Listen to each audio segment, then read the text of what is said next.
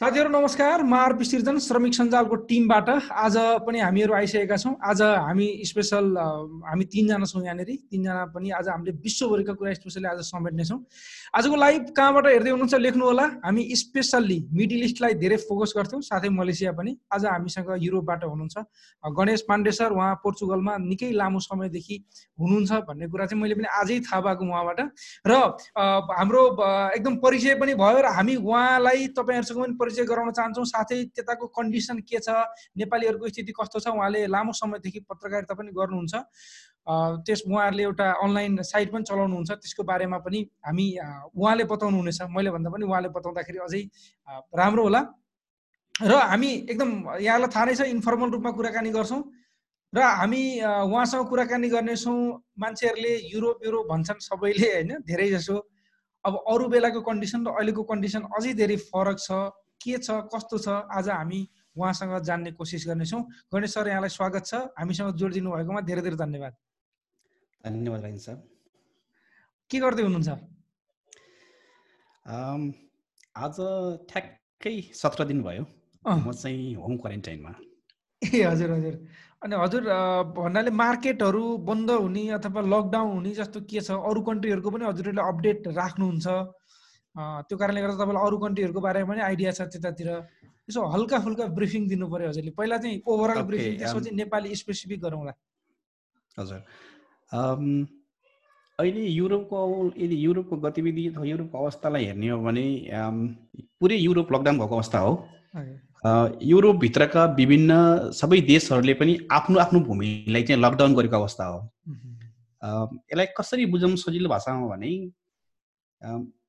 युरोपसँग बाहिरका मुलुकहरूको हवाई र यातायात अवगमन बन्द भएको छ। र युरोपभित्रै पनि एक देशबाट अर्को देशमा जाने स्थल मार्गहरू बन्द छन्। केही हवाई मार्गहरू केही मुलुकहरूमा चलिरहेका छन्। र सबै देशहरूले आफ्नो देशलाई चाहिँ अर्को देशसँग जाने आवाजावतको सीमाहरू बन्द गरेको। र अत्यावश्यक काम बाहेक जसमा चाहिँ विशेष गरेर मेडिकलकाहरू काम हुन्छन् अथवा फुड चेन सम्बन्धी छ त्यो बाहेक अरू सबै काममा चाहिँ सर्वसाधारणहरूलाई चाहिँ आवत पुरै बन्देज लगाएको अवस्था हो।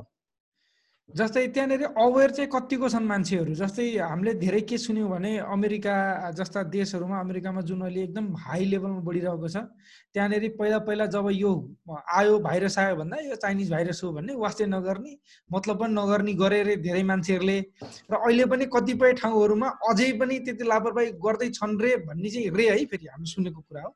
धेरै मान्छेहरूले कुराकानी गर्दाखेरि तपाईँ त्यहीँ हुँदाखेरि देख्नु भए अनुसार तपाईँलाई चाहिँ के लाग्छ? मान्छेले लापरवाही साँच्चै गरेका हुन् कि मान्छेहरूले भनेका मात्रै हुन् लापरवाही चाहिँ गरेका छन् सबै सिन्सियर नै छन्? म अमेरिकामा नभएको हुनाले मैले पनि तपाईँ यस्तै मिडियाबाट सुन्ने सामाजिक सञ्जालबाट हेर्ने कुरा हो होइन? त्यही भएर अमेरिकाको बारेमा चाहिँ म केही पनि बोलिहाल्दिनँ। तर युरोपको अवस्थामा यदि युरोपलाई हामीले हेर्ने हो भने सुरुको दिनमा युरोपमा लापरवाही भएकै हो। फर इक्जाम्पल जब युरोपमा इटालीबाट सुरुवात भयो यो कोरोना भाइरसको यसको प्रभाव देखियो। अनि त्यस पछाडि के गर्ने कसो गर्ने भनेर विभिन्न किसिमका विभिन्न यहाँ हरेक मुलुकका सरकारहरूको भित्र पनि एउटा किसिमको डिबेट चल्यो होइन? र इटलीभन्दा बाहिर गइसकेको थिएन यो खासै। ए त्यो अवस्थामा के भयो भने दुईवटा कुरा। पहिलो कुरा इटलीको सरकारले नै एक्सन यसको फास्ट लिन अलिकति डिले गर्यो। दोस्रो कुरा जब सरकारले एक्सन लिनको लागि कुनै आफ्नो मेकानिजमहरू बनायो मान्छेहरूलाई क्वारेन्टाइनमा बस्ने घरभित्र बस्ने होइन त्यो किसिमको नीति बनायो तर त्यसलाई त्यहाँको जनताले पूर्ण फलोअप गरेनन्। ठ्याक्कै फेरि मौका कस्तो पर्यो भने युरोपमा कोरोना भाइरसको ठ्याक्कै इन्ट्री हुनु र त्यही समयमा युरोपमा चाहिँ कार्निभल फेस्टिभल तपाईँको सबै युरोपभरि एकै समयमा चाहिँ बिदा मिल्ने विद्यालयहरूको। ए हजुर हजुर हजुर। अनि इटलीको एउटा सहरमा चाहिँ प्रभाव परिसकेछ। एकदमै। अनि त्यस पछाडि गएर त्यही सहरको वरिपरि र इटलीमा युरोपमा हुने सबैभन्दा ठुलो कार्निभलहरू तिनवटा नम्बर वान इटलीमा नम्बर टू स्पेनमा नम्बर थ्री पोर्चुगलमा। है? र पोर्चुगलको कार्निभल विशेष गरेर यो ब्राजिलियन पोर्चुगिज कम्युनिटीले मनाउँछ। संसारभरि ब्राजिलियन कार्निभल सबैभन्दा फेमस छ। र त्यो कम्युनिटीले पोर्चुगलमा मनाउँछन्। र युरोपमा जब इटलीमा कार्निभल सुरु भयो त्यतिखेर युरोपभरिका मान्छेहरू जो जसको विधा थियो जो जान सक्थे होलिडेमा सबै कार्निभल मनाउन इटलीतिर लागे। त्यो गएको अवस्थामा जति मान्छे इटलीमा गए कार्निभलमा बसे केही दिन हेरे रमाइलो गरे फर्किँदाखेरि तिनीहरूले कोरोना आफूसँगै लिएर आए। युरोपभरि फैलिएको इटलीबाट यसरी हो नम्बर वान नम्बर टू इटलीको कार्निभल सकिसके पछाडि जब अनि दोस्रो कार्निभल सुरु हुन्छ स्पेनमा ठुलो। अनि स्पेनको कार्निभलमा हेर्न आउने अधिकांश मानिसहरू इटलीबाट आउँदो रहेछन् फेरि। अब इटलीको मान्छेहरू स्पेनको कार्निभलमा हेर्न आए मेला भर्न आए। हाम्रो घोडे जात्रा अथवा इन्द्र जात्रा जस्तै भनौँ न जात्रा एउटा अब। हजुर हजुर हजुर। अब त्यो कार्निभल भर्न आइसके पछाडि इटलीका मानिसहरूले आफूसँगै कोरोना बोकेर आए अब स्पेनमा कोरोना छोडे तिनीहरूले त्यति बेलासम्म चाहिँ इटली चाहिँ एकदमै ठुलो महामारी रूप लिइसक्यो इटलीमा। र स्पेनको एउटा सहरमा सुरु भयो त्यो। र त्यो सहरमा सुरु भएपछि त्यो कार्निभललाई आधीमै स्टप गरेर कार्निभल क्यान्सल गरियो अब। त्यो लामो समयको कार्निभल हो चल्ने। र अर्को कुरा के भयो भने इटलीको अनि त्यति बेलासम्म अब युरोपमा सबैभन्दा ठुलो एउटा स्पोर्ट ग्रुपमा फुटबल रहेको छ। सबैलाई फुटबलको क्रेज छ युरोपमा। अब फुटबल खेल्दै गर्दाखेरि विभिन्न क्लबका विभिन्न चरणका गेमहरू कसरी खेलाउने के गर्ने भन्ने कुराहरू बहस चल्न थाले यहाँ। अनि इटलीमा के गर्यो भने इटलीको यहाँको क्लब र यता स्पेनको भ्यालेन्सिया क्लबको यिनीहरूले के गर्यो भने ठिक छ। अब कोरोनाको प्रभाव परेको अवस्थामा यसलाई मिनिमाइज गर्नका लागि हामी चाहिँ गेम अब विदाउट अडियन्स खेल्छौँ। र एउटा खेल तपाईँको स्पेनको भ्यालेन्सिया र इटलीको टिमको बिचमा इटलीमा विदाउट स्पेक्टेटर्स विदाउट अडियन्स एउटा स्टेडियममा गेम भयो। तर यहाँ स्पेनका खेलाडीहरू यहाँदेखि स्पेन पुकुन्जेलसम्म विभिन्न ट्रान्समिसन फेजबाट गए तपाईँको प्लेनबाट गए त्यसपछि बसमा चढे त्यहाँबाट तपाईँको स्टेडियमभित्र गए तर स्टेडियम बाहिर त हजारौँ दर्शकहरू बसिराखेका छन् नि अलरेडी काहीँ न काहीँ त टच भयो होला ट्रान्समिसन भयो त्यो। र उनीहरू त्यहाँबाट गेम खेलेर आइसके पछाडि अनि उनीहरू फर्के स्पेनमा। र उनीहरूले पनि केही बोकेर लिएर आए। त्यही भएर भ्यालेन्सिया एउटै एउटै टिमका तिनजना खेलाडीहरूमा पछि सङ्क्रमण देखियो होइन? र स्पेनको एकजना खेलाडी र एक्काइस वर्षका कोच पनि हुन् त्यहाँका क्लबका। उनको त डेथ नै भयो। यसरी चाहिँ इटलीबाट संसार यो युरोपभरि फैलियो। पोर्चुगलको हकमा पनि के भयो भने सबैभन्दा पहिलो केस देखा पर्यो लिस्बनको नजिकै एउटा विद्यालयमा शिक्षिकालाई। र ती शिक्षिकाको हिस्ट्री हेर्दाखेरि तिनी केही हप्ता अगाडि मात्रै इटलीको कार्निभलमा गएकी रहेछन् जब उनमा कोरोना सङ्क्रमण पोजिटिभ देखियो त्यसपछि उनले पढाएका छवटा कक्षाहरूका विद्यार्थीहरूलाई आइसोलेसनमा राखियो। तर विद्यार्थीहरू कसैमा पनि देखिएन। र त्यसपछिको दोस्रो केस पोर्चुगलको दक्षिणी भागमा है पोर्तिमाउ भन्ने ठाउँमा देखियो। त्यहाँ एकजना अभिभावक आफ्नो बच्चालाई लिएर स्कुल पुर्याउन गएको बेलामा उनमा जुन सिम्टम देखियो त्यो सिम्टमको आधारमा उनलाई चेकअप गरियो। र ती बच्चाकी आमामा कोरोना सङ्क्रमण देखियो। तिनको पनि हिस्ट्री चेकअप भयो यहाँ। तिनी कहाँ गएकी थिइन् के गरेकी थिइन् भनेर। उनको पनि के देखियो भने उनी इटलीमा कार्निभलमा फेस्टिभलमा सहभागी हुन गएकी रहेछ अनि त्यस पछाडि पोर्चुगलभित्र चाहिँ को को चाहिँ पोर्चुगलभन्दा बाहिर विशेष गरेर इटलीको कार्निभलमा गए भनेर चाहिँ त्यसको खोजनीति हुन थाल्यो हिस्ट्रीहरू मान्छेहरूको ट्राभल हिस्ट्री र तिनीहरूलाई चेकअप गर्ने काम सुरु भयो। र हामी कहाँ के देखेको छ भने पोर्चुगलको हकमा चाहिँ जति पनि यो कोरोना भाइरसको ट्रान्समिसन भएको छ एक ठाउँ अर्को ठाउँमा या त इटलीबाट आएको मान्छेबाट भएको छ र दोस्रो स्पेनबाट आएको मान्छेबाट भएको छ। यी चाहिँ विशेष गरेर दुइटा फेजहरू हुन्। अनि त्यस पछाडि बिस्तारै पोर्चुगलभित्रै एकबाट अर्कोमा सक्न थाल्यो यो। यो चाहिँ अहिलेको अवस्था हो। हजुर। अब अहिले चाहिँ कस्तो छ? अवस्था हेर्दाखेरि चाहिँ अहिलेको अवस्था चाहिँ कस्तो छ? डेली बढ्ने इन्क्रिजिङ रेट कस्तो छ? त्यहाँनिर कस्तो छ अहिले चाहिँ? अब तपाईँले पनि हेरिराख्नु भएको होला समाचार माध्यमहरूबाट होइन? इटलीको अवस्था भयावह छ। त्यो एकदम एक्ज्याक्टली होइन? इटलीलाई पछ्याउँदै स्पेन त्यसको पछाडि दौडिराखेको छ। हेर्ने हो भने। तेस्रोमा फ्रान्स दौडिराखेको छ। होइन? विशेष गरेर युरोपमा यी तिनवटा देशहरू होइन? नम्बर वानमा इटली नम्बर दुईमा स्पेन नम्बर तिनमा फ्रान्स। त्यो तिनटै देशको अवस्था एकदम नाजुक हुँदै गइरहेको छ। हामीले सञ्चार माध्यमबाट पढेका पनि छौँ कि इटलीमा असी वर्षभन्दा माथिका मानिसहरूलाई हामी बचाउन सक्दैनौँ भने। होइन? उनीहरूले यङ पपुलेसनलाई हेर्न थाले। त्यही भएर पनि त्यहाँ डेथ रेट धेरै भयो। किनभने सदन कक्ष उपचारको लागि तपाईँको भेन्टिलेटरहरू छैन अब चाहिने मात्रामा। होइन? अपरेसन थिएटरहरू छैनन्। होइन? आइसियु कक्षहरू नै छैनन्। हामीले त्यस पछाडि हामीले फेरि सञ्चार माध्यमबाट पढ्यौँ कि इटलीका नर्सहरूले भने कि अब हामी लास गर्न सक्ने अवस्थामा छैनौँ। किनकि दैनिक हजारभन्दा बढी मर्दैछन् र त्यो सब व्यवस्थापन गर्न सक्ने क्षमता पनि छैन राष्ट्रमा। र इटलीको सरकारले सेनालाई प्रयोग गरेर ट्रकमा हालेर लास व्यवस्थापन गर्ने अवस्था आयो इटलीमा। होइन? त्यस्तै अवस्था स्पेनमा छ। स्पेनमा पनि वृद्धहरूको सङ्ख्या धेरै छ पपुलेसन। युरोपभरि नै छ त्यसमध्ये पनि इटली स्पेन पोर्चुगलमा वृद्धहरूको सङ्ख्या अझै बढी छ। र स्पेनमा पनि के देखियो भने कैयौँ सहरहरूमा वृद्धाश्रमभित्र सबै मान्छेहरूको लास लास छन्। वृद्धाश्रमभित्र। वृद्धाश्रमभित्र। हजुर। हेर्नुहोस्। किनभने एउटालाई सर्यो त्यस पछाडि सबैलाई सर्यो सबै ढले। उनीहरू फिजिकल्ली उनीहरू स्ट्रङ छैनन् पहिलो कुरा त होइन? र कैयौँ त्यस पछाडि गएर ती वृद्धाश्रमहरूमा कहाँ कहाँ छन् के के छन् सरकारले सबै खोजनीति गरेर प्रत्येक वृद्धाश्रममा उनीहरूले चाहिँ सर्च अपरेसन सुरु गरे। र वृद्धाश्रमबाट ला मान्छेहरूको लासका लास निकालेको हामी हामीले समाचारहरू पढ्यौँ सबैले। हजुर भन्नाले तिनीहरू हस्पिटलहरू हस्पिटल नै पुगेन डाइरेक्ट जहाँ त्यही पाएन तिनीहरूमा सङ्क्रमण भयो देखियो। सबै सत्तरी असी नब्बे वर्षका वृद्ध वृद्धहरू हुन्। तिनीहरू त त्यहीँ ढले सबै। त्यस्तो अवस्था पनि देखेछौँ हामीले स्पेनमा। भएको अवस्था। होइन? अब फ्रान्समा पनि चिकित्साको लागि चाहिने आवश्यक मास्कहरू आवश्यक सामग्रीहरू छैनन् भन्ने कुरा समाचारमा बारम्बार पढिरहेका छौँ हामी। होइन? फ्रान्समा त त्यहाँका प्रधानमन्त्रीले पब्लिक सेक्टरलाई अथवा चिकित्सकहरूलाई चाहिँ हामीसँग भएको तथ्याङ्कहरू लुकाए ढाँटे भनेर छ सयभन्दा बढी चिकित्सकहरूले त सामूहिक रूपमा प्रधानमन्त्रीलाई मुद्दा नै हालेका छन् फ्रान्समा। त्यो अवस्था छ। र फ्रान्समा चिकित्सकहरू नपुगे पछाडि अवकाश प्राप्त चिकित्सकहरूलाई र मेडिकल साइन्स पढिरहेका विद्यार्थीहरूलाई फिर्ता बोलाइयो सेवा गर्नका लागि। जब मेडिकल साइन्सका विद्यार्थीहरूले हामी सक्दैनौँ भन्ने किसिमको कुरा गरे उनीहरूलाई प्रहरी र सेना लगाएर छोपेर पनि लिएर आएको छ। त्यो अवस्था छ।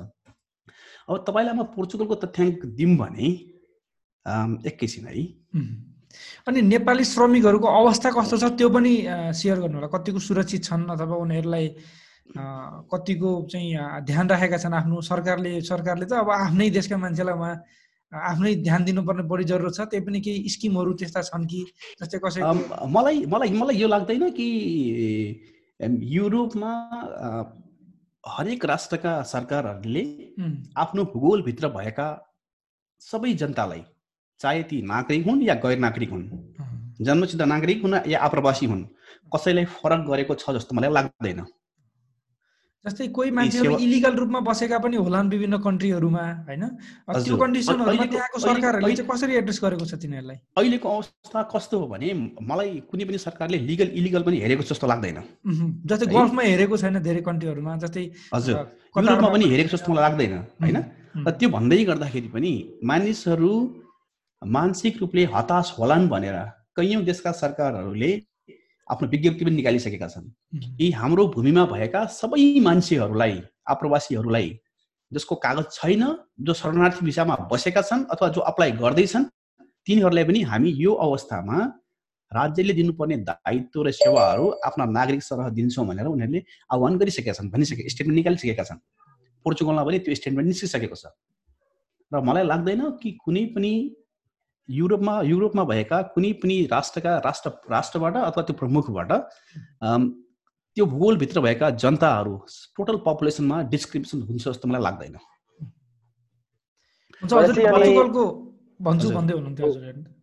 युरोपको युरोपभरि अथवा पोर्चुगलमा नेपालीहरूको अवस्था चाहिँ के छ? कोही सङ्क्रमित छन् कि छैनन्? तपाईँको अब जानकारी यसको दुईटा कुरा छ।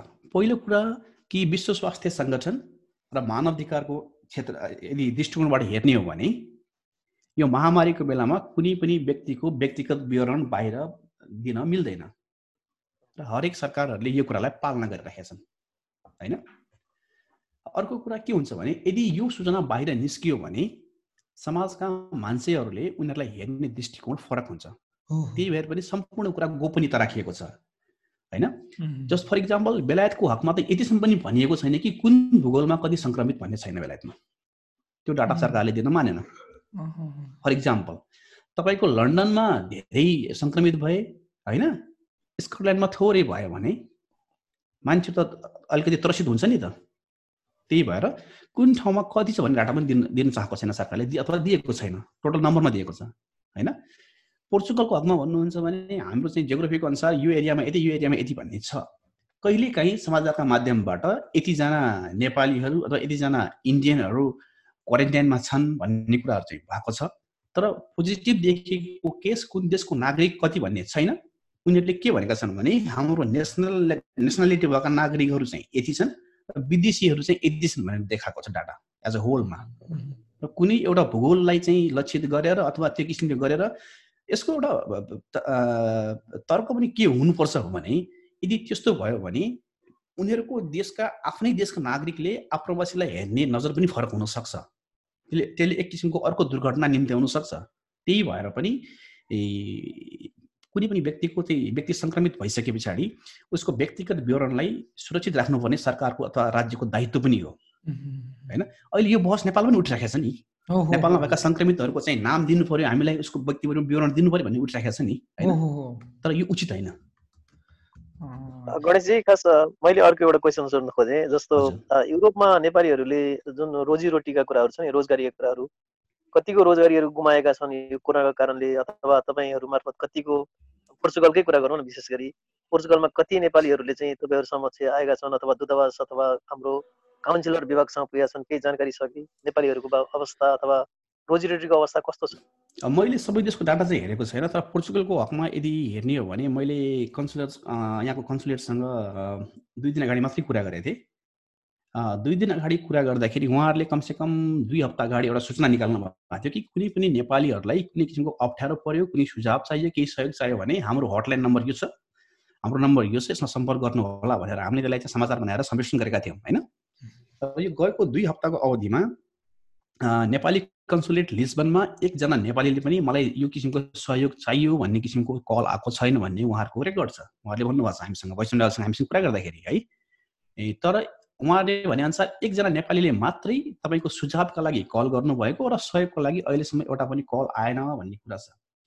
अब नेपालीहरूको अवस्था कस्तो छ भन्ने कुरामा यदि तपाईँलाई मैले भन्ने हो भने पोर्चुगल युरोपमै आय आयको रूपमा एकदम निम्न आयमा पर्ने मुलुक हो। यहाँको तलब न्यूनतम तलब छ सय पैँतिस युरो मासिक छ है? यो भन्दै गर्दा सबैले छ सय पैँतिस युरो कमाउने भन्ने कुरा होइन। सबैभन्दा न्यूनतम स्टार्टिङ स्यालेरी भनौँ न एउटा फ्रेस मान्छेले सुरु गर्दाखेरि।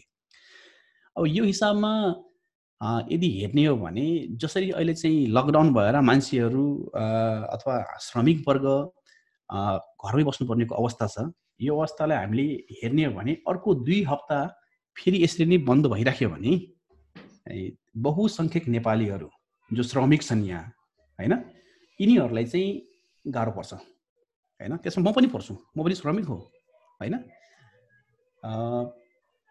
नेपालीहरूको लागि खानाका लागि त्यति ठुलो समस्या नपर्ला तर बस्नका लागि समस्या पर्छ। भाडा त तिर्नै पऱ्यो नि होइन। यद्यपि यहाँको सरकारले विभिन्न किसिमका राहत राहत प्याकेजहरू दिइराखेका छन् युरोपभरि हेर्ने हो भने विभिन्न मुलुकमा उनीहरूको सरकारले आफ्नो स्थिति हेरेर दिइराखेको छ। बेल्जियममा ठुलो राहत दिइराखेका छन् प्रत्येक व्यक्तिलाई होइन? बेलायतमा तपाईँको स्यालेरीको एट्टी पर्सेन्ट गभर्मेन्टले दिने भनेर डिक्लेयर गरिसकेको छ। बेलायतको ब्याङ्क अफ इङ्ल्यान्डले चाहिँ कोरोनाको कारणले गर्दाखेरि अप्ठ्यारो स्थितिमा भएका मान्छेहरू अथवा मिडियम र तपाईँको स्मल स्केलको चाहिँ बिजनेसेसहरूलाई चाहिँ zero point one percent that is almost nothing नि। त्यो इन्ट्रेस्ट रेटमा हामी लोन दिन्छौँ भनिसक्यो ब्याङ्क अफ इङ्ल्यान्डले होइन? त्यो भनेको त्यो लोनको इन्ट्रेस्ट भनेको तपाईँको जब ब्याङ्क अफ इङ्ल्यान्ड आजभन्दा चार सय वर्ष पहिले स्थापना भएको थियो सिक्सटिन हन्ड्रेड एन्ड समथिङमा त्यतिखेरको इन्ट्रेस्ट रेट हो त्यो। भनेको सरकारले सित्तैमा पैसा दिँदैछ। तपाईँहरू आफ्नो बिजनेस गर्नको लागि हामी दिन्छौँ भनेर उसले घोषणा गरिसक्यो। होइन? अब पोर्चुगलको हकमा जस्तो यदि हामीले राजधानी लिस्बनलाई हेर्ने हो भने लिस्बन महानगरपालिकाले के भनिसक्यो भने यसको महात्वमा अलमोस्ट तपाईँको बिस हजारभन्दा बढी घरहरू छन्। र ती घरहरूको आगामी तिन महिनाको भाडा तिर्नु नपर्ने भाडा मिना होइन तिर्नु नपर्ने।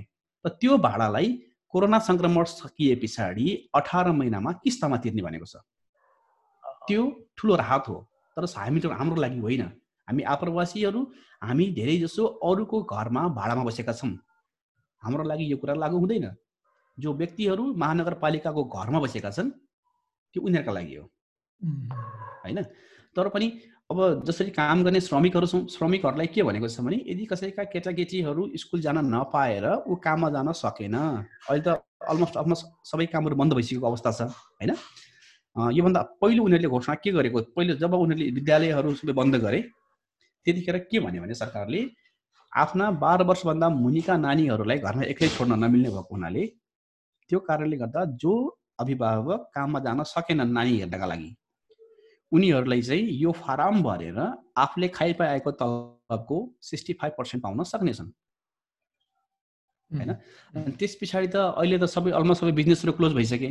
अहिलेको अवस्थामा जति पनि श्रमिकहरूले आफ्नो रोजगारी गुमाएका छन् उनीहरूले त्यसै गरेर आफ्नो खाइबे आएको तलबको सिक्सटी फाइभ पर्सेन्ट प्राप्त गर्न सक्नेछन्। अब त्यसको त्यसको कानुनी प्रावधानहरू छ त्यो प्रावधान त आफूले फलो गर्नैपर्छ सबैले होइन? फर्म भर्नुपर्ने होला गभर्मेन्टको तपाईँको कन्सर्न एजेन्सीमा गएर कन्ट्याक्ट गर्नुपर्ने होला। अब अहिले पहिला जस्तो चाहिँ आफै गएर फेस टु फेस कन्ट्याक्ट गर्ने होइन टेलिफोन अथवा इमेलबाट गर्नुपर्ने सबै अनलाइन सिस्टमबाट छ होइन? मतलब युरोपभरिका विशेष गरेर युरोपमा चाहिँ हरेक राज्य आफ्नो आफ्नो भूगोलमा भएका सम्पूर्ण जनता र नागरिकप्रति उत्तरदायी भएको हुनाले त्यति धेरै आत्तिहाल्नु पर्ने हताश गरिहाल्नु पर्ने दुई चार किलो चामल दाल बाँडिहाल्नु पर्ने अवस्था कसैको पनि छैन। त्यो होइन। यदि कसैले यो गर्छ भने मैले त्यसलाई मिडिया स्टन्टको नाम दिन्छु। है? किनभने म तपाईँलाई एउटा कुरा भन्छु सामान्य कुरा। पोर्चुगलमा पनि हिजो आज राहत अलिअलि बाँडिएको छ होइन? म तपाईँलाई इक्जाम्पल भन्छु। राहत लिनेको हातमा आइफोन छ। है? राहत लिनेको हातमा ब्रान्डेड घडी छ। तपाईँको ब्रान्डेड क्याप छ ब्रान्डेड ह्याट छ ब्रान्डेड ज्याकेट छ ब्रान्डेड हुडी छ। है? ब्रान्डेड जुत्ता छ कन्भर्सको होइन? अनि त्यो व्यक्तिले राहत कति पाएको छ तपाईँलाई भनौँ। हुन त सहयोग भन्ने कुरा सानो ठुलो हुँदैन तर अवस्थालाई हामीले मध्यनजर गर्ने हो नि त। होइन? अनि त्यो व्यक्तिले राहत पाएको छ उसको सबै उसले पाएको राहतलाई जोड्ने हो भने नेपाली हजार हजार रुपियाँ हुन्छ। त्यति पनि पुग्दैन। अब पुग पुग। होइन? त्यो व्यक्ति पोर्चुगल आउनका लागि पन्ध्र लाख रुपियाँ खर्च गरेर आएको हो। हातमा आइफोन बोकेर ब्रान्डेड कन्भर्स जुत्ता लगाएर ब्रान्डेड लिभाइजको जिन्स लगाएर ब्रान्डेड ज्याकेट र हुडी लगाएको मान्छेले अनि युरोप छिर्न पन्ध्र लाख रुपियाँ तिरेर आएको मान्छे नेपाली हजार रुपियाँको राहत लिन लाइनमा बस्छ अथवा जान्छ अथवा हामी त्यो व्यक्तिलाई नेपाली हजार रुपियाँको राहत दिन्छौँ। यसलाई कसरी बुझ्ने? र त्यो राहतले तपाईँलाई कति छाक पुग्ला। होइन? अथवा हामीले त्यो राहत बाँड्नुपर्ने सक्ने अवस्था भइसकेको हो अहिले? अथवा यो राज्यले कि हामीले हेर्दैनौँ भनेको छ? हामीले बुझ्नुपर्ने कुरा ती हो। अथवा त्यो राहत दिँदै गर्दाखेरि हामीले त्यो व्यक्तिको गोपनीयता अथवा उसको प्रतिष्ठामा आँच आउने काम गऱ्यौँ कि गरेनौँ? हामीले त आफूलाई समाजसेवीमा दर्ज गऱ्यौँ होला ठिक छ। एकछिनका लागि। दुई चार अनलाइनमा मिस्टर फलानाले सहयोग गर्यो भनेर आयो होला समाचार। तर नेपालबाट सुन्दर भविष्यको कल्पना गरेर युरोप छिरेको त्यो व्यक्ति त्यो नेपाली चेलो अथवा नेपाली चेली जो त्यति धेरै पैसा खर्च गरेर यसरी युरोप पुगेको छ र युरोपमा चार पोका चामल एक पोका दालका लागि त्यो जोड्दाखेरि हजार रुपियाँ नेपाली पुग्दैन। त्यसको चाहिँ हामीले यदि हिसाब गर्ने हो भने धेरै भए चार छाक खान पुग्दैन त्यसले। त्यो राहत लिएको छ र ती फोटाहरू अनलाइनमा छ्याप छ्याप छापिएका छन्। यसले तिनको परिवारमा पर्ने मनोविज्ञान कस्तो होला? कल्पना गर्न सक्नुहुन्छ? मलाई पनि आएका थिए। यसमा त छापिदिनु पऱ्यो सर भनेर। तर मेरो नैतिकताले दिएन मलाई। तिनका परिवारले त्यो फोटो देख्दा कस्तो लाग्छ होला?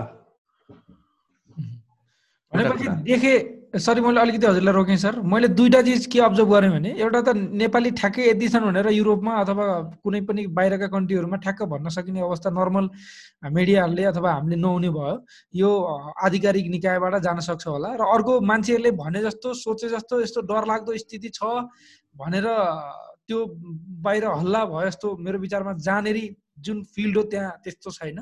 र अर्को एउटा कुरा एक्ज्याक्टली त्यति धेरै नेपाली श्रमिकहरू समस्यामा त्यति ठुलो समस्यामा छैनन् अहिलेसम्मको कन्डिसनमा होइन सर त्यही बुझौँ यसलाई?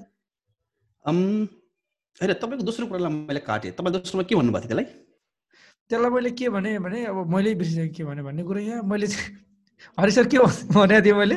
म तिनवटा कुरा भने। पहिलो चाहिँ नर्मली पाउने कुरा भयो दोस्रो अँ त्यहाँनिर एउटा एकदम जुन मार्केटमा छ नि युरोपमा चाहिँ एकदमै यस्तो छ यस्तो छ यस्तो छ भनेर जुन एउटा डर छ सबै युरोप र अमेरिकामा त ठुलो फैलिएको छ। नेपालीहरूको के हुने हो अब नेपाल युरोपमा भएका आफ्ना बच्चाहरूको पनि घरमा नेपालमा बाबुआमालाई पनि एउटा पिर होला एक हिसाबले। डेफिनेटली छ नै होइन। त्यो हुने नै भयो। त्यो जस्तो हिसाबले देखिएको छ त्यस्तो एक्ज्याक्टली त्यस्तो भन्दा अलिकति फरक छ सिचुएसन हो। यसलाई यति हल्का रूपमा पनि बुझ्नु हुँदैन। स्थिति चाहिँ भयावह हुने सङ्केत हो। हजुर। जुन समुदायले यो क्षति बिहोरेका छन् तिनीहरूलाई राम्ररी थाहा छ। तर नेपाली समुदायको हकमा कतिजना सङ्क्रमित छन् अथवा कतिजना हताहत भइसके त्यो अवस्थाको सिर्जना कसैलाई पनि थाहा छैन। म तपाईँलाई एउटा कुरा अवगत गराउँछु। मैले देखेको कुरा युरोपमा। कथम कदाचित कसैलाई कोरोना सङ्क्रमण भयो भने? जुन दिन हामीले यहाँको स्थानीय स्वास्थ्य सेवा अथवा सुरक्षा अधिकारीलाई फोन गर्छौँ त्योभन्दा अगाडि एउटा कुरा तपाईँलाई फेरि अवगत गराउँ। हामी बिरामी भएपछि हामी सिधै अस्पताल जान सक्ने ठाउँ छैन। अस्पतालले एडमिसन लिँदैन। पहिलो कुरा भनेको फोन गर्ने मात्रै हो हामीले। हरेक देशमा त्यही अवस्था हो है युरोपभरिमा। र हामीले फोन गर्दै गर्दाखेरि उनीहरूले फोनमा भएको वार्तालापका आधारमा हामीलाई के सजेसन दिन्छन् भन्ने कुरा इम्पोर्टेन्ट कुरा छ। यो पहिलो चरणको जुन हुन्छ नि हामी भन्छौँ फर्स्ट फेजहरू सेकेन्ड फेजहरू सामान्य रुगाखोकी हुने अथवा ज्वरो आउने टाउको दुख्ने यो हुने त्यो हुने भन्ने कुराहरू भनेको हामीले पाखला लाग्ने। त्यो अवस्थामा उहाँहरूले हामीहरूलाई नै घरमै बसेर क्वारेन्टाइनमा बसेर यसरी गर्ने भनेर सुझाव दिन्छन्। है? किनभने अस्पतालमा ठाउँ छैन। क्वारेन्टाइन भनेको छुट्टी कुरा भयो क्वारेन्टाइन भनेको तपाईँलाई अथवा कुनै जो सङ्क्रमित भएको शङ्का भएको व्यक्ति छ त्यो व्यक्तिलाई उसको सोसियल डिस्टेन्सिङ कायम गरेर अनुशासनमा घरमा बस्न सक्दैन भनेर सुरक्षित ठाउँमा ल्याएर राख्ने मात्रै हो। सङ्क्रमित भइसकेकोलाई त क्वारेन्टाइन राखेर फाइदा छैन। सङ्क्रमित भइसकेको उपचार गर्नुपर्ने हो। युरोपको हकमा हरेक मुलुकमा सामान्य बिरामीहरू सामान्य अपरेसन गर्नुपर्ने मान्छेहरूले मिनिमम तिन महिनादेखि छ महिनासम्म वेट गर्नुपर्ने अवस्था पहिलेदेखिकै हो हरेक अस्पतालमा मेजर ट्रिटमेन्ट गर्नका लागि मेजर अपरेसन गर्नका लागि मान्छेहरूले तिनदेखि छ महिना वेट गर्नै पर्छ सामान्य अवस्थामा। अहिले महामारीको अवस्थामा तपाईँ यति धेरै मान्छेहरू बिरामी भइसकेका छन् न त रेगुलर ट्रिटमेन्ट पाउनेले रेगुलर ट्रिटमेन्ट पाउन सकेका छन् है? न कोरोनाबाट सङ्क्रमित भएकाहरूले ठिक समयमा उपचार पाउन सकेका छन्। त्यही भएर पहिलो चरणमा भएका बिरामीहरू जो अहिले ढलिहाल्नुपर्ने अवस्था छैन होइन? तिनीहरूलाई घरमै बसेर उपचार गराउने हो। त्यसरी सल्लाह दिन्छन्।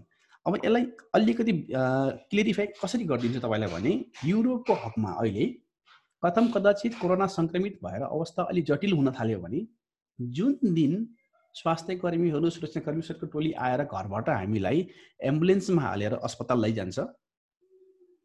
यदि हाम्रो भाग्य बलियो भएन हामीले जित्न सकेनौँ यो युद्ध भने सम्झिनुहोस् कि परिवारबाट छुट्टिएको एम्बुलेन्समा बसेको त्यो दिन नै हाम्रो जीवनको अन्तिम दिन हो। हामीले न कसैलाई हेर्न पाउनेछौँ न परिवारको सदस्यले हामीलाई हेर्न पाउनेछन्। किन? अहिलेसम्म देखेको केस के हो भने कोरोना सङ्क्रमित भएका बिरामीहरूलाई अस्पतालमा लगिसकेपछि घरबाट न कुर्न दिइन्छ न भेट्न दिइन्छ न मरेपछि मृतकको लास दिइएको छ। तपाईँ हामीले यति धेरै समाचारहरू पढिराखेका छौँ नि। इटलीमा मृतकहरूको लासको व्यवस्थापन कसले गरिराखेको छ? सेनाले। होइन? बेलायतमा कसले कसले गरिराखेको छ? त्यहाँको स्थानीय फ्युन्डल गर्ने जुन कम्पनी हुन्छन् तिनीहरूले गरिराखेका छन्। स्पेनमा कसले कसले गरिराखेको छ? सेनाले अथवा सरकारले गरिराखेको छ। कुनै ठाउँमा फ्युन्डल भएको देख्नु भएको छ? अहिलेसम्म चित्र? देख्नु भएको छ? अस्पतालको बेडबाट नर्सले भनेको कुराहरू सुन्नु भएको छौँ हामीले हामीले सुनेका छौँ। होइन? स्पेनकी एउटा नर्सको कथा भन्छु तपाईँलाई म याद गराउँछु मैले पढेको समाचारमा। उनीले उपचार गर्दा गराउँदा गराउ उपचार गर्दा गर्दै कोरोनाका सङ्क्रमित बिरामीहरूको उनी सङ्क्रमित भइछन् थाहा भएन। घरमा गइन् आमा बुवासँग बस्थिन् सँगै।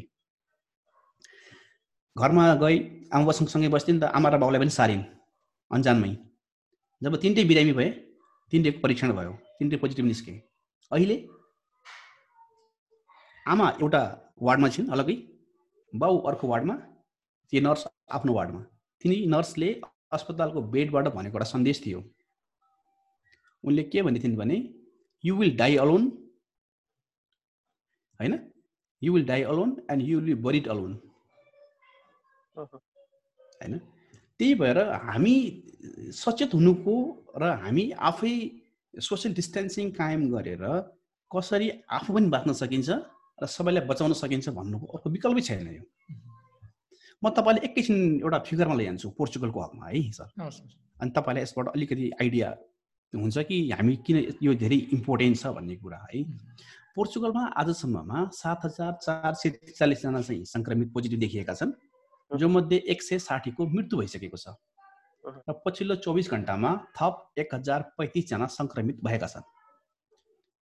अब यो मध्ये यो मध्ये तपाईँको आठ सय त्रिपन्नजना त स्वास्थ्य कर्मी मात्रै सङ्क्रमित हुन्। जुन पोर्चुगलमा भएको टोटल सङ्क्रमितको सङ्ख्याको तेह्र पर्सेन्ट हो। जब सङ्क्रमित भएका सङ्ख्याको तेह्र पर्सेन्ट आफै स्वास्थ्य कर्मी अस्पतालको बेडमा छन् भने तीमध्येका एक नर्स र सातजना डाक्टर जीवनको अन्तिम लडाइँमा छन्। है?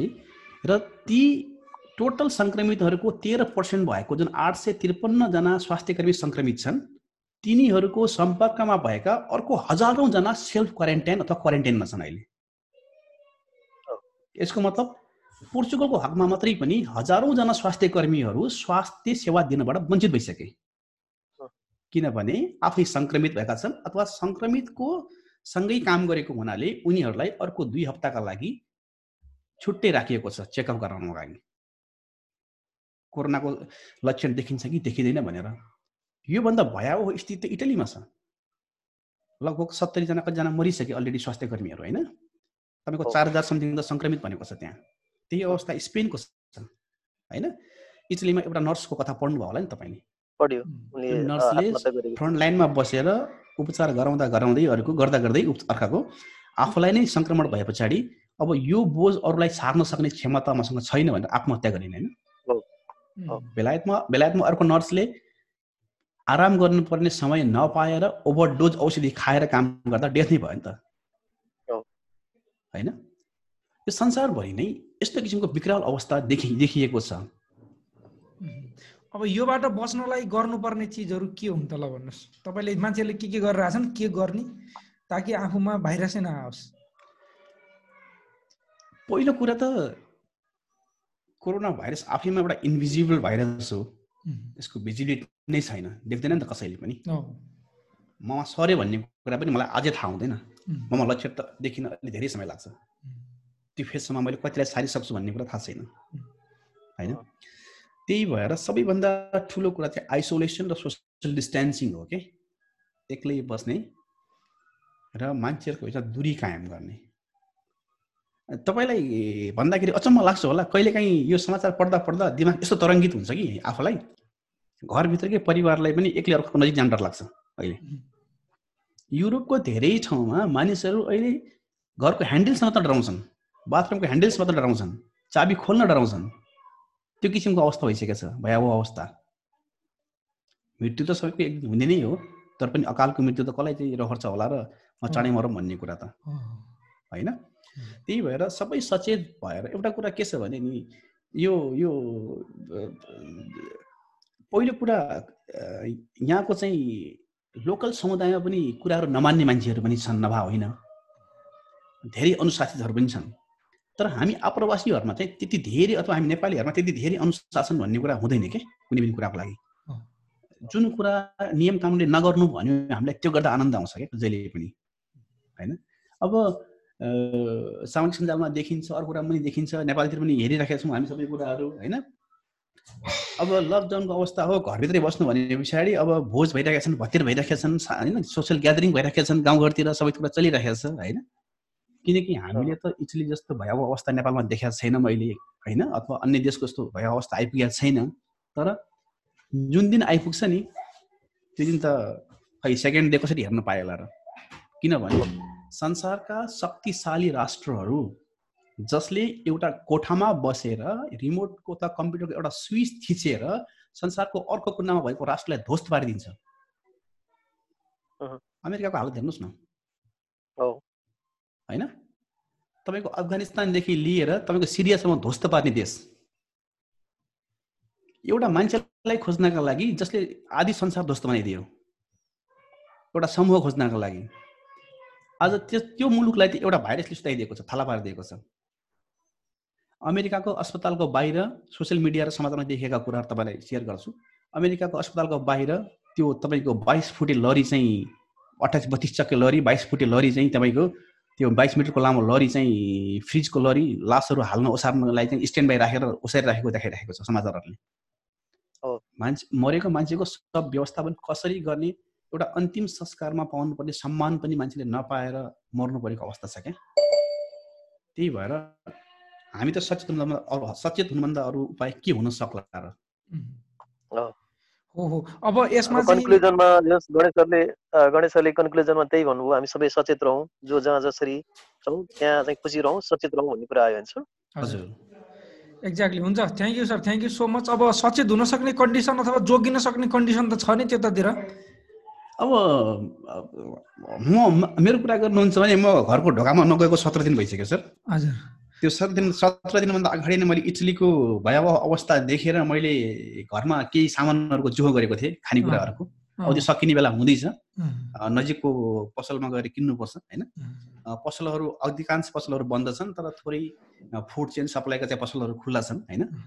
त्यसमा पनि एउटा सोसियल डिस्टेन्सिङ कायम गराएर बाहिरै ग्यापमा लाइन लागेर एकपल्टमा दुईजना मात्र मान्छेभित्र छिर्न दिएर त्यो किसिमको एउटा social maintain social distance maintain गर्ने कायम गरिएको छ सरकारले अथवा यहाँको सबै मान्छेहरूले होइन? सकेसम्म पालना गर्ने प्रयास गरेका छन् है? एउटा कुरा अर्को के पनि छ भने म तपाईँलाई सानो कुरा भन्छु। यो कोरोना भाइरसमा मेन ट्रान्समिसेबल डिजिज भएको हुनाले मान्छेहरूले जहाँ जहाँ टच गर्छ नि हातले त्यहाँ त्यहाँबाट सर्न सक्ने सम्भावना प्रबल छ नि है। सार्वजनिक पार्कहरूका सार्वजनिक बस्ने मेचहरूमा चाहिँ प्रहरीले आएर चाहिँ टेप लगाइसकेका छन् बस्न पाइँदैन भनेर। हिँड्न पाइने खुल्ला छ तर बस्न पाइने खुल्ला छैन क्या नबस्नु भनेर लगाइदिएका छन्। हामीले देखेका देखिराखेका छौँ कि मान्छेहरूले कस्तो कस्तो चाहिँ इनो इनोभेसनहरू गरेका छन् भन्ने कुरा। जब कठिन परिस्थिति आउँछ त्यतिखेर त्यस पछाडि चाहिँ मान्छेले नयाँ नयाँ आइडियाहरू क्रिएट गर्छ क्या। लिफ्टमा मान्छेले टच गर्नुपर्ने हुन्छ बटनमा होइन? लिफ्टको छेउमा सलाइको काँटी जस्तो सानो काँटी राखिदिएर तल बिन राखिदिएका छन् टक्क काँटी छिक्ने टक्क कुन नम्बर हो त्यो नम्बरमा थिच्ने काँटी त्यहीँ फालिदिने त्यहाँबाट टच हुनसक्छ भनेर है? अब नोटबाट पनि सबै मान्छेले टच गर्ने भएर नोटबाट सर्न सक्छ भन्ने कुराहरू निस्क्यो होइन? त्यस पछाडि ल क्यासलेस चलाउने भन्ने कुराहरू भयो। अब क्यासलेस चलाउँदै गर्दाखेरि पनि तपाईँले कमसेकम पेमेन्ट मेसिनको कार्डमा त टच गर्नुपर्छ नि त। त्यहाँ पनि त रिस्क छ। तपाईँलाई एउटा कुरा म अर्को एउटा जोडिहालेँ हुन त समाचारले अर्कै किसिमले चाहिँ त्यसलाई इन्टरप्रेट गरेको छ। जर्मनको चान्सलर हुनुहुन्छ होइन? एक दिन अगाडि जर्मनको चान्सलर आफै चाहिँ ट्रली गुडाएर सपिङ मार्केटमा सपिङ गरेको समाचारले देखाएको थियो। त्यसको भोलिपल्ट उहाँमा कोरोनाको सिम्टम देखियो भनेर भन्यो। होइन? तपाईँ सुपर मार्केट जानुहुन्छ। तपाईँले हामीले जाने सुपर मार्केटको ट्रली कति कति घन्टामा धोइन्छ? कति मान्छेले टच गर्छन्? अथवा हामीले सामान किन्दै गर्दाखेरि हामीले किन्ने सामान पनि कति मान्छेले टच गरेको छ होला फुड चेनमा पुरा तपाईँको आउँदाखेरि? सो एकछिन कल्पना गर्नुहोस्। हामीले कसैलाई राहत दिँदै गर्दाखेरि हामी दिउँला दुई किलो चामल दिउँला दुई पका दाल दिउँला तर त्यो पसलसम्म आइपुग्नलाई कति मान्छेले टच गरेको छ? पसलबाट हामीले आफ्नो राहत वितरण गर्ने ठाउँमा पुगुन्जेलसम्म अझै कति मान्छेले टच गरेका छौँ? र कति मान्छेलाई टच गराउँदै अथवा त्यो ट्रान्समिसन हुँदै हामी चाहिँ अन्तिम चरणमा राहत वितरण गरिराखेका छौँ त अलिकति दुई दिन तिन दिन चार दिन पुग्नेलाई खाद्यान्न। यसको रिस्क पनि हेर्नु पऱ्यो क्या हामीले हेर्दाखेरि कमसेकम है? त्यही भएर कमसेकम राहत बाँड्दाखेरि पनि त्यो राहत अलि दीर्घ अलि लामो समयसम्म टिक्ने किसिमको राहत होस् होइन? आज राहत दियो भोलि सक्यो पर्सिदेखि के खाऊँ भन्ने किसिमको नहोस्। मिडिया स्टन्टिङहरू अलिकति बन्द गरौँ मानवता देखाउँ न अलिकति। कमसेकम मैले कसैलाई दुई किलो चामल दाल दिँदै गर्दाखेरि मैले फोटो खिचिहालेर हालिहाल्नु पर्ने आवश्यकता छैन नि त। त्यस्तो त हामी पाहुनाहरूलाई घरमा वर्षौँदेखि पनि खुवाउँछौँ नि त खुवाउँदैनौँ कि तपाईँ हामीले चाहिँ फोटो खिचेर आज फलाना फलाना पाहुनालाई हामीले खाना खुवायो भने हाल्छौँ त फेसबुकतिर। होइन? बुझ्नुपर्ने कुरा धेरै छ क्या अर्को कुरा मैले अघि पनि भने भने तपाईँलाई।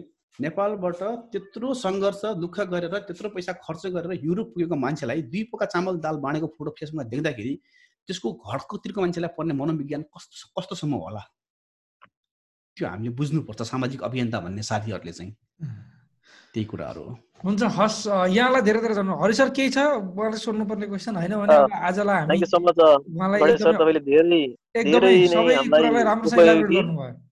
र धेरै जानकारीमूलक र हामीहरू भन्दा धेरै अगाडि बढेर तपाईँले युरोपको समस्त युरोपको चाहिँ एउटा फिगर दिनुभयो। त्यसलाई धेरै धेरै धन्यवाद छ र हामी सबै श्रमिक सञ्जाल टिम तपाईँसँग आभारी छौँ। र तपाईँ पनि सुरक्षित रहनु होला सपरिवार हस् यहाँलाई धेरै धेरै धन्यवाद छ। अहिले चाहिँ हामी हजुरसँग चाहिँ छुट्टिन्छ। थ्याङ्क यू हस् thank you thank you thank you thank you हस् अहिले चाहिँ हामी उहाँबाट छुट्टिसकेका छौँ। उहाँलाई हामीले बिदा गऱ्यौँ। उहाँ पोर्चुगलबाट हुनुहुन्थ्यो। धेरै कुराहरू भए र आजको धेरै हाम्रो मेन एपिसोड पनि त्यसैसँग रिलेटेड भयो। अब छोटकरीमा एकदम छोटकरीमा हाम्रा हामी जहाँनिर काम गर्छौँ हाम्रो मिडल इस्ट हाम्रो मलेसिया होइन? हामी त्यहीँकै कुराहरू छोटकरीमा गरौँ त्यसपछि आजको कार्यक्रम सघाउँला। ल हुन्छ। अब हजुरले के के अपडेट दिन्छु भन्दै हुनुहुन्थ्यो। अपडेट सबै ठाउँको अपडेट हजुर दिनुहोस्। म युएका एक दुईवटा कुराहरू भन्छु सर्टकट गरौँ। मैले नमस्ते सबैलाई म हरिकृष्ण नेपाली कुवेतबाट फेरि पनि सबैलाई सचेत रहन आग्रह गरेँ। र मैले पहिला कुवेतकै अपडेट गराएँ। कुवेतमा अहिलेसम्म सङ्क्रमितको सङ्ख्या दुई सय उनानब्बेजना र पछिल्लो चौबिस घन्टामा तेइसजनामा सङ्क्रमण देखिएको छ। र अहिलेसम्म त्रिहत्तरजना रिकभर भएको चाहिँ समाचार आएको छन् र आजको एकदमै गुड न्युज भनेको चाहिँ एकजना बयासी वर्ष एट्टी टू इयर्सको फिमेल पेसेन्ट चाहिँ रिकभर भएर जानुभएको छ। र अहिलेसम्म उपचाररत चाहिँ दुई सय सोह्रजना र त्यसमध्येमा तेह्रजना चाहिँ अलिकति सिरियस टाइपको भनेको छ र अनि अहिलेसम्म कुवेत सरकारले विभिन्न ठाउँबाट आफ्नो नागरिकहरूलाई ल्याएका नागरिकहरू नै बढी सङ्क्रमित देखिएको छ र सबैलाई चाहिँ क्वारेन्टाइनमा राखिएको थियो। त्यो मध्येमा दुई हजार चार सय चौसठीजनाले चाहिँ क्वारेन्टाइन छोडिसक्नु भएको छ। उहाँहरूले चौध दिन पुरा गरेर घर फर्किसक्नु भएको छ। र कुवेतमा आज देखेको मध्येमा आठजना चाहिँ यो यात्राहरूबाट आएकाहरू छन्। युके इरान फ्रान्सबाट आएकाहरू। चौधजना चाहिँ अरूबाट सङ्क्रमितहरू छन्।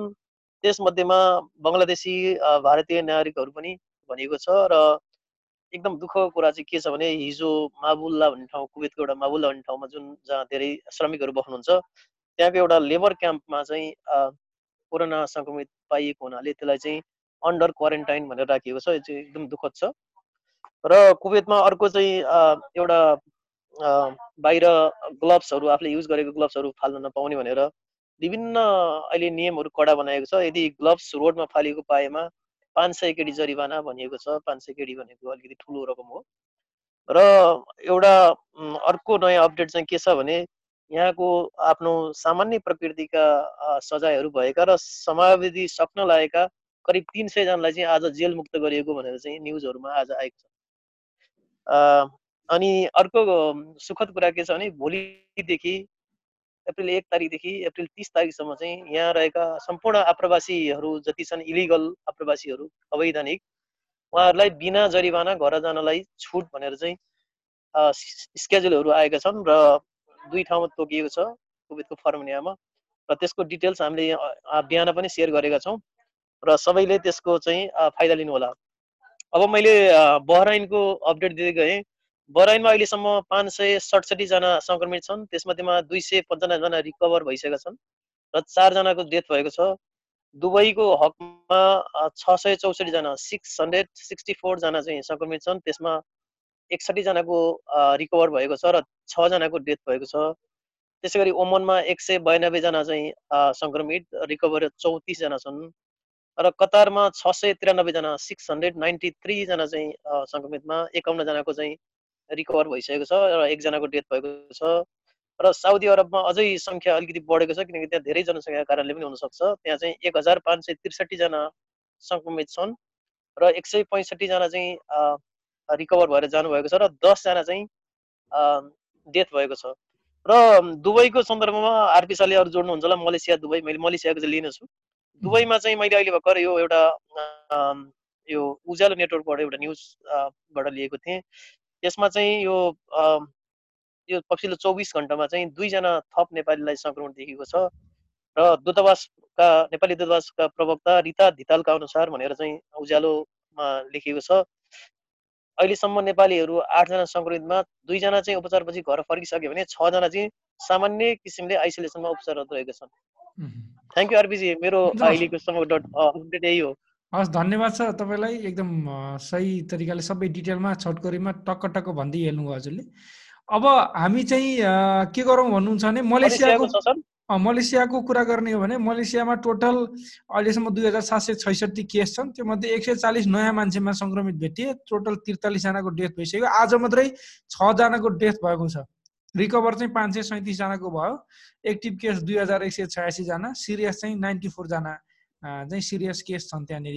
र युएको कुराकानी गर्ने हो भने युएमा डिसइन्फेक्सनको जुन काम चलिरहेको थियो ठुलो फाइन लाग्ने भन्ने कुरा छ। साथीहरूलाई हामीले बारम्बार त्यो सेयर गरिरहेका छौँ जस्तै काम नभइकन घरबाट निस्क्यो भने दुई हजार दिराम फाइन अनि टेस्ट गर्नु भनेर भन्दाखेरि नमान्दाखेरिको पचास कति पचास हजार दिरामसम्म फाइन छ त्यो। यस्ता धेरै फाइनहरू छन् त्यो फाइनको लिस्टमा ठ्याक्क त्यो फिगर बिर्सेछु अहिले र कसैले पार्टी अर्गनाइज गर्यो भने दस हजार दिराम फाइन होइन? त्यसैमा फेरि जोइन हुन गयो भने पाँच हजार दिराम अनि मलहरू पार्कहरू खोल्यो भने फाइन ग खोल्यो भने दस हजार गयो भने पाँच हजार त्यस्तो टाइपको फाइनहरू धेरै फाइनहरू छन्। र मास्क लाउने कुरामा पनि मास्क लाएन भने हजार दिनमा फाइन छ। तर मास्क कस्तो अवस्थामा लाउने भन्दा मास्क एनी टाइम जति बेला पनि लगाएको लायो भन्ने कुरा होइन। मास्क जो मान्छेमा हल्का फुल्का रुगा खोकी देखिएको छ हल्का फुल्का रुगा लागेको छ त्यो मान्छेले चाहिँ मास्क लाएन भने त्यो मान्छेले मेन्डेटरी रूपमा मास्क लाउनै पर्ने कन्डिसन हो।